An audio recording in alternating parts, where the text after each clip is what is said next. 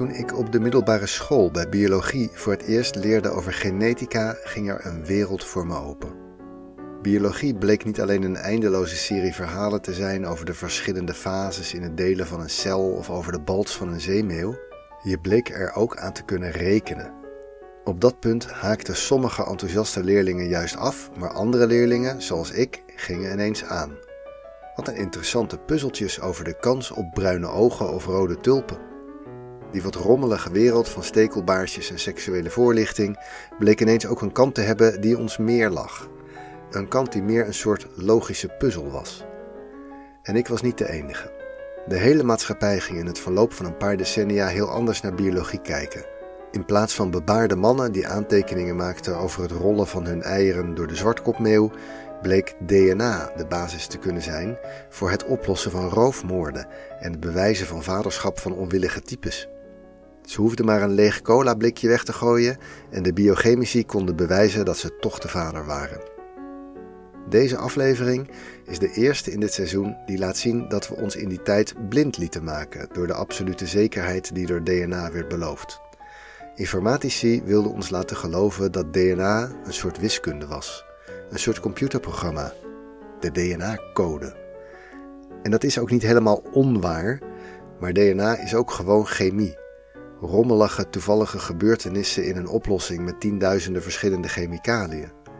Meestal werkt het als een betrouwbaar computerprogramma, maar soms, soms ook niet.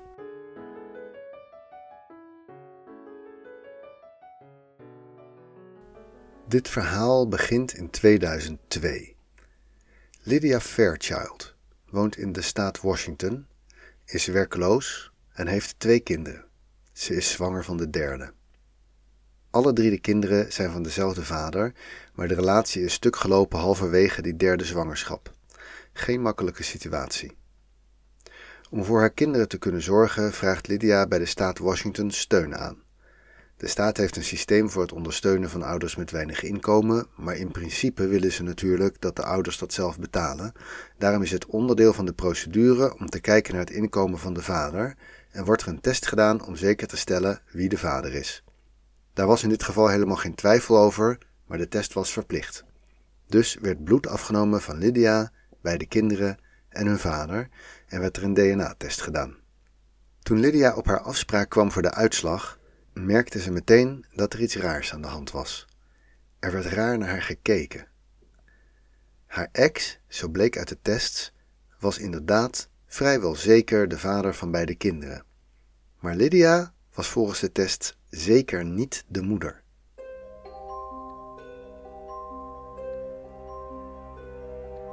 Hoe reageer je daarop?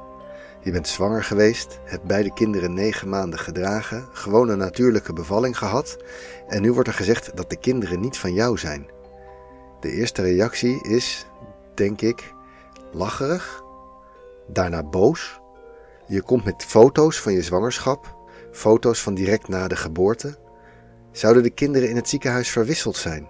Zou natuurlijk kunnen, maar dan moet zo'n baby verwisseld worden voor een andere baby van dezelfde vader die daar ook ligt. En dan een paar jaar later weer. Nee, dat kan niet. De volgende fase was paniek. Niet alleen werd Lydia's aanvraag voor financiële steun afgewezen, ze werd verdacht van illegale praktijken.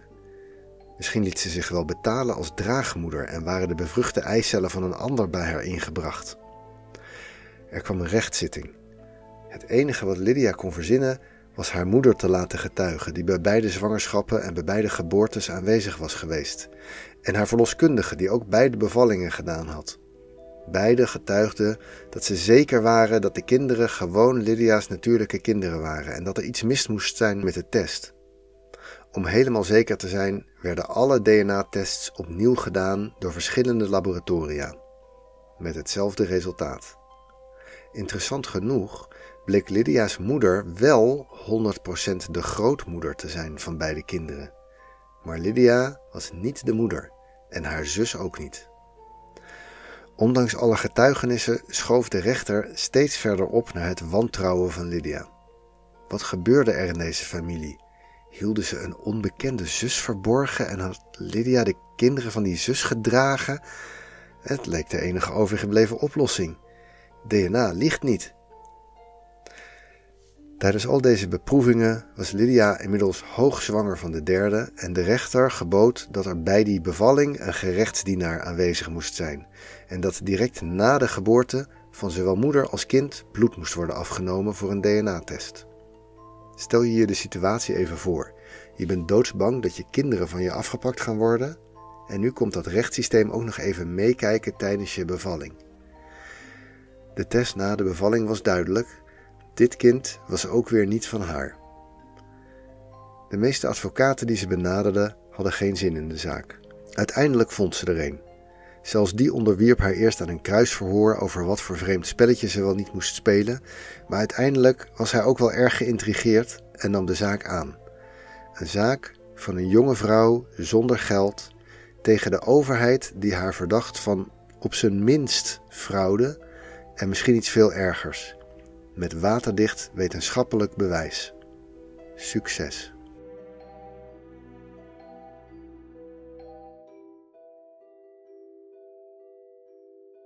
Een paar jaar eerder, aan de andere kant van het land, speelde een zaak die hetzelfde begon, maar heel anders afliep.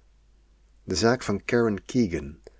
Karen was al wat ouder, 52 jaar, en zat een probleem met haar nieren. Daarom werd gezocht naar een geschikte donor en de meeste kans op het vinden van zo'n donor heb je bij je naaste familie. Dus lieten Karen's drie volwassen zoons hun DNA testen. En vervolgens had Karen datzelfde onwaarschijnlijke gesprek bij de uitslag als Lydia, waarbij haar verteld werd dat twee van haar zoons onmogelijk van haar konden zijn. Ze waren onomstotelijk alle drie kinderen van Karen's man, maar één van de drie kon maar van haar zijn. Toch waren alle drie de kinderen volkomen natuurlijk verwekt en geboren. Vanaf hier liep het verhaal van Karen gelukkig heel anders dan dat van Lydia. Tegenover Karen zat namelijk geen wantrouwige ambtenaar, maar een nieuwsgierige wetenschapper die nog nooit zo'n intrigerende puzzel had gezien.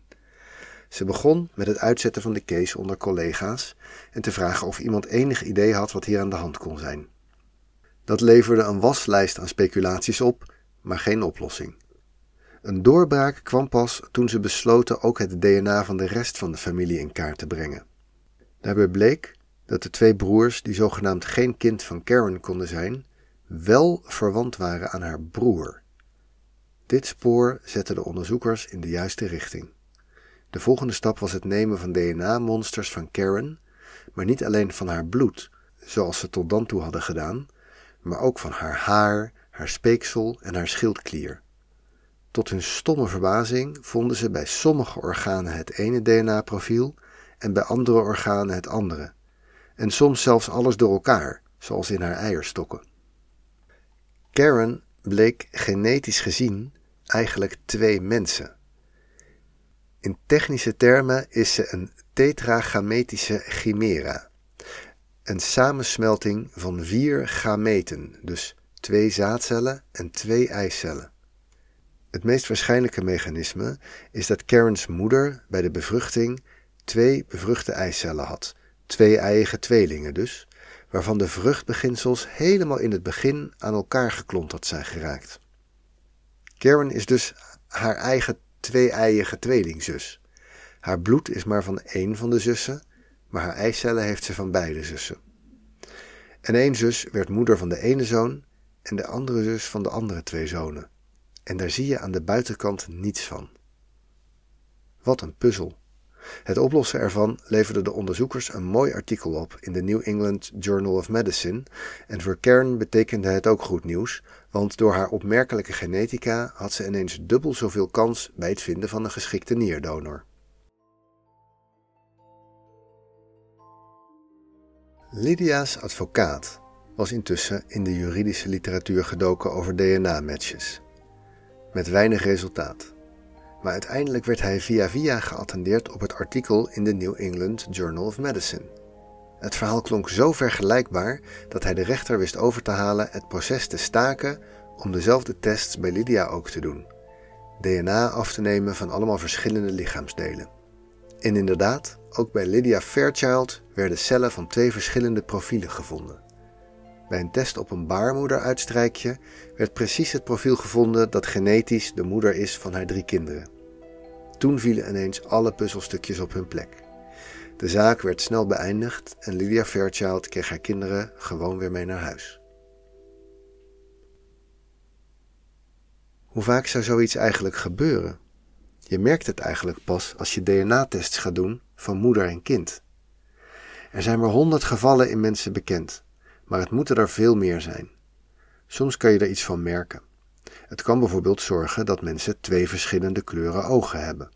Maar dat kan ook door andere dingen komen, dus niet iedereen met verschillende ogen is een chimera. Als de versmolten tweelingen van verschillend geslacht zijn, kan het ook zorgen voor afwijkende geslachtsorganen. Maar ook dat kan door allerlei andere oorzaken komen. En zelfs als je DNA-tests doet, dan merk je het eigenlijk alleen als het DNA van het bloed van de moeder anders is dan dat van haar eicellen. Maar dat zou natuurlijk ook toevallig hetzelfde kunnen zijn, en dat alleen haar longen of hersenen een andere genetische herkomst hebben. En bij mannen zal het vast net zo vaak voorkomen, maar daarbij wordt bij een DNA-mismatch met de kinderen gewoon aangenomen dat hij de vader niet is. Kortom, we hebben eigenlijk echt geen idee hoe vaak dit voorkomt. Niet heel vaak dat we het merken. We doen het natuurlijk ook wel eens bewust. Eigenlijk is iedereen die ooit een orgaantransplantatie heeft gehad een chimera. Want de getransplanteerde nieren hebben ander genetisch materiaal dan de rest. En misschien is het ook wel veel gewoner dan we denken. In de tuinbouw is enten een techniek die vaak wordt gebruikt om bijvoorbeeld de mooie bloemen van soort 1 te combineren met de robuuste, tegen ongedierte bestendige stam van soort 2.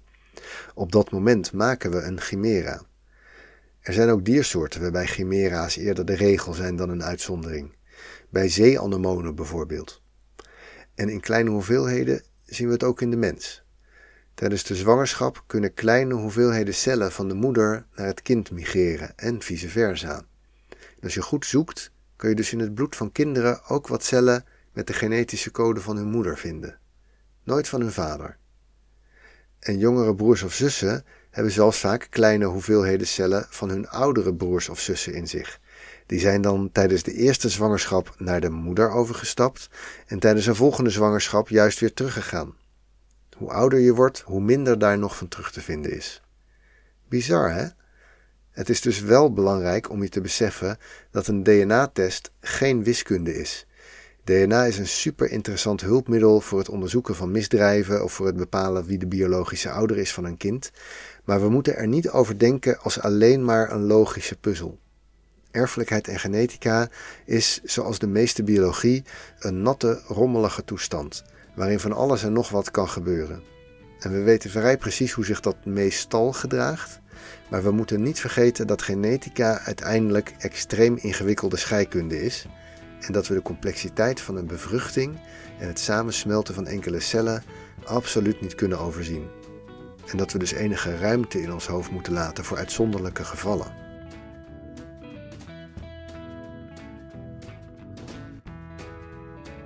Dit was aflevering 51 van Nooit Geweten.